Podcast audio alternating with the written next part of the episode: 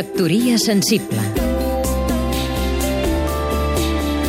Josep Maria Martí Font, periodista cultural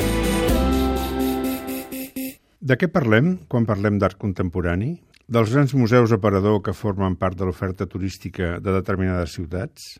De les fundacions de les grans empreses que inverteixen a l'hora que desgraven fiscalment? Potser dels artistes?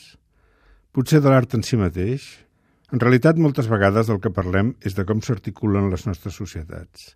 D'això tracta precisament el documental MACBA, la dreta, l'esquerra i els rics, un sorprenent treball realitzat per la SUB, Societat U de Barcelona, un col·lectiu format per Tere Badia, Jorge Luis Marzo, Montse Romaní, Guillermo Trujillano i el malauradament desaparegut Octavi Comarón, un dels artistes més potents que ha donat el país en els últims temps. La història de com s'ha fabricat el Museu d'Art Contemporani de Barcelona des de les administracions catalanes amb la complicitat de l'alta burgesia és el millor relat per entendre on som i explicar-nos com hi hem arribat. Fins aquí, perquè el futur ja pot ser un altre. La documenta de Kassel pot donar fe.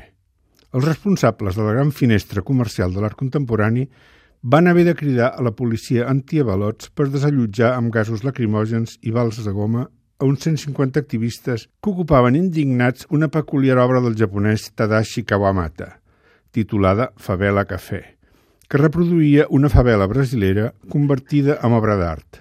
Quina fundació, quin col·leccionista comprarà aquesta peça pretesament política? El, el futur pot ser un altre.